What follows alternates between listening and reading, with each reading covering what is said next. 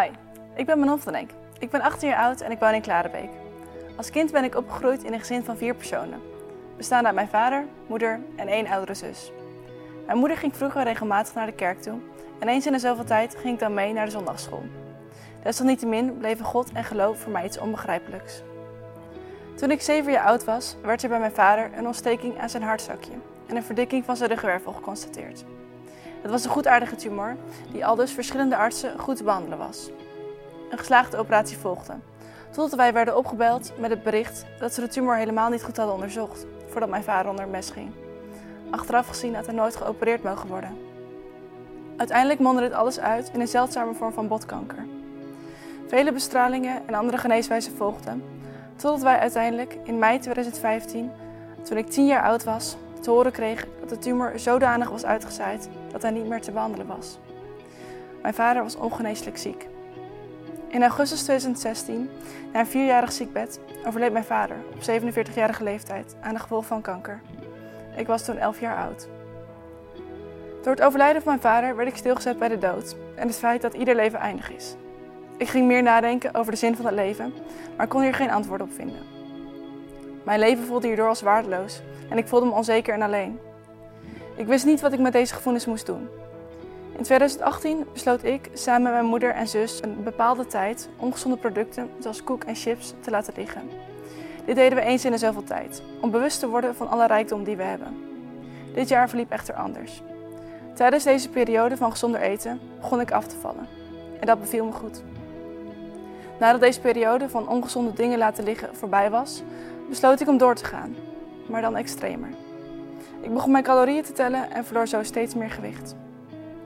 Totdat mijn moeder werd aangesproken tijdens een volleybalwedstrijd, dat mijn ogen er wel heel ingevallen uitzagen en anderen zich afvroegen of ik wel genoeg at. Gelijk gingen de alarmbellen bij mijn moeder af. Hoe kon ze dit niet gezien hebben? De eerstvolgende mogelijkheid maakte mijn moeder een afspraak bij de huisarts, die mij vervolgens doorstuurde naar de kinderarts.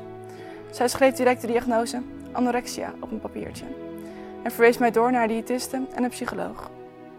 Ik mocht niet meer sporten en ik kreeg een eetlijst mee naar huis, omdat ik moest aankomen. Dit hielp echter allemaal niet en omdat mijn eetstoornis mij zo'n goed gevoel gaf, ging ik steeds minder eten. Maanden gingen voorbij, totdat mijn toestand dermate slecht werd dat ik haast met spoed moest worden opgenomen in het ziekenhuis. Het was juni 2018. Zodra ik in het ziekenhuis aankwam, werd ik aan de monitor gelegd. Daaruit bleek dat mijn hartslag zich onder de 30 slagen per minuut bevond. Een kritieke toestand. Toen ze hierachter kwamen, werd ik als het ware opgesloten in een ziekenhuiskamer. Ik mocht niet van mijn kamer afkomen zonder begeleiding in een rolstoel. Er werd gedreigd met zondevoeding, maar omdat zondevoeding zou betekenen dat ik geen controle meer zou hebben, besloot ik om langzamerhand kleine beetjes te eten. Verder mocht ik ook geen gebruik maken van enige mobiele apparaten. Het enige wat ik kon doen om de tijd te doden was boeken lezen. En geloof me, ik ben van nature helemaal geen lezen, maar nood breekt wet. Uiteindelijk had ik alle boeken gelezen die ik had meegenomen en wist ik niet meer wat ik kon doen. Totdat ik de Bijbel zag liggen. Ik dacht, laat ik het een kans geven.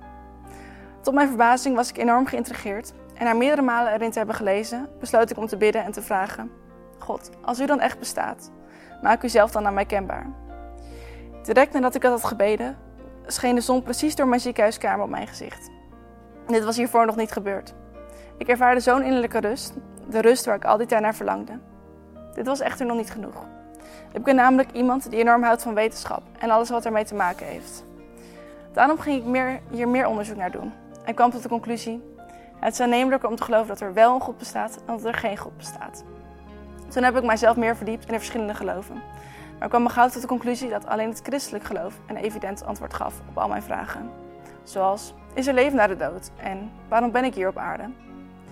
Ik besloot uiteindelijk mijn leven aan God te geven, omdat Jezus voor mijn fouten en tekortkomingen aan het kruis is gestorven, zodat ik in vrijheid mag en kan leven. God heeft mij gemaakt om te leven, niet om te overleven.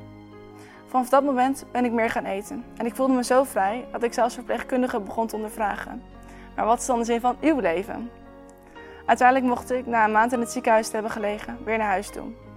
Sindsdien ging het met vallen en opstaan steeds beter en ben ik er uiteindelijk bovenop gekomen. Echter ging mijn leven daarna niet per se van een leien dakje. Zo kreeg mijn moeder in 2020 te horen dat ze het voorstelling van borstkanker had. Dit was opnieuw een klap voor ons gezin. En mijn zus en ik waren bang om onze beide ouders te verliezen.